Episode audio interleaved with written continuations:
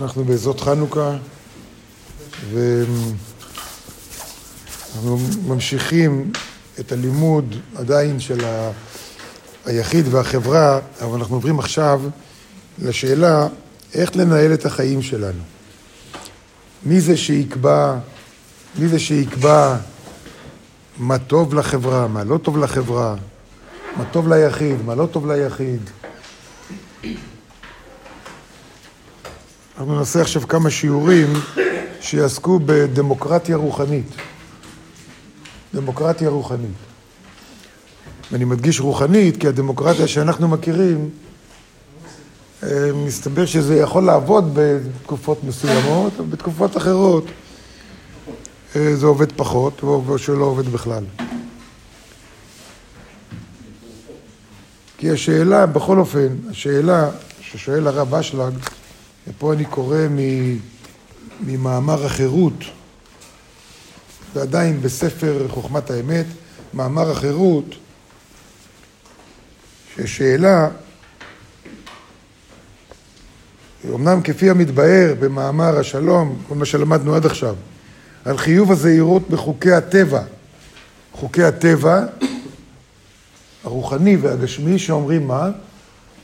שאומרים שכל, שהיחיד והציבור הם אחד, וליחיד יש אחריות על הציבור, לציבור יש אחריות על היחיד, ושיש שתי מצוות, אחת, לתת, אחת, לקחת, נכון? והשנייה זה לתת, וכשמקיימים גם את המצווה של לקחת, גם את המצווה של לקחת, זה צריך להיות בשביל הבורא, אני לוקח בשביל שיהיה לי כוח לעבודה רוחנית, בשביל שיהיה לי כוח להשתנות, ואני נותן כדי להשתנות, כדי ליצור שיווי צורה עם הבורא, לא בגלל מוסר ולא בגלל שום דבר אחר. אלה חוקי הטבע. אז לכן הוא כותב פה, למדנו על חיוב הזהירות בחוקי הטבע, שמתוך שנצטווינו מפי ההשגחה העליונה לחיות חיי חברה. חיי חברה זה לא בגלל שאנחנו בני אדם, ואדם הוא יצור חברותי, וככה נבראנו. ואם ככה נבראנו, סימן שנצטווינו ככה מפי ההשגחה. אם כן, נעשינו מחויבים לקיים את כל החוקים הנוגעים לקיום החברה. עכשיו יש שאלה, יש לקיום חברה יש כל מיני חוקים, יש חוקים רוחניים ויש חוקים גשמיים גם, שלא קשורים לרוחניות. של איך לנהל את הכלכלה, איך לנהל את, ה, את, חיים, את החיים הגשמיים וכמובן גם הרוחניים.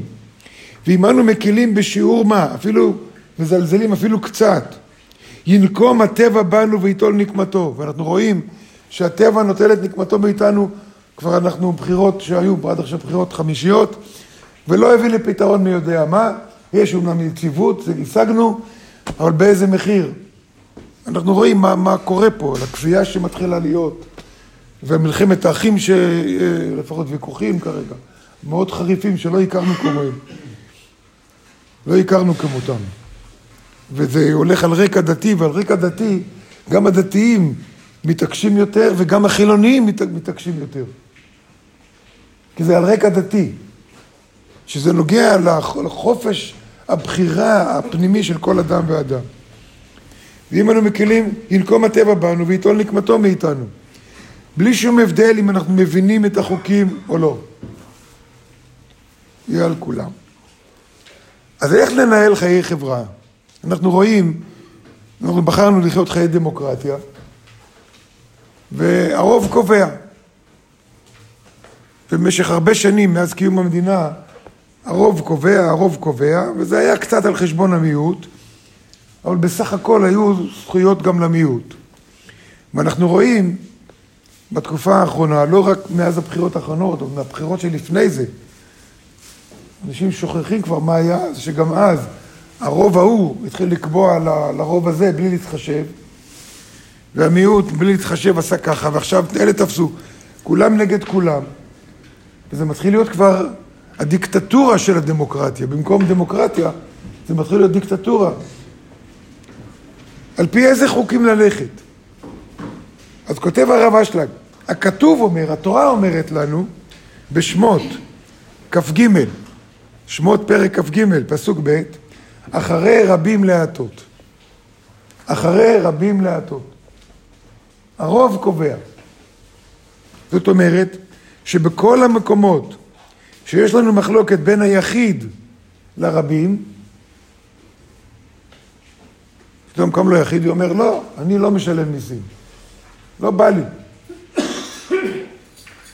אנו מחויבים להכריע דבר לפי רצונם של הרבים.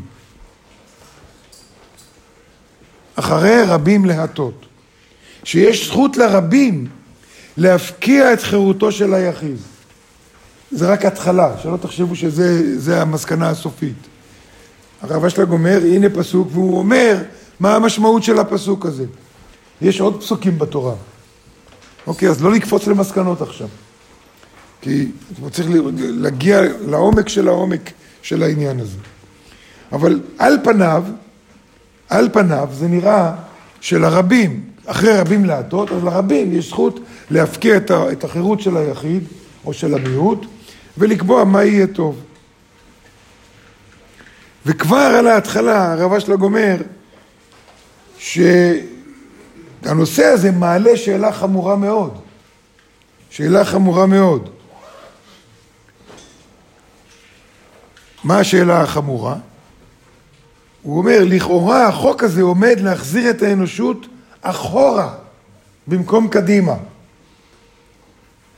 אחורה במקום קדימה. למה? כי הרוב טועה.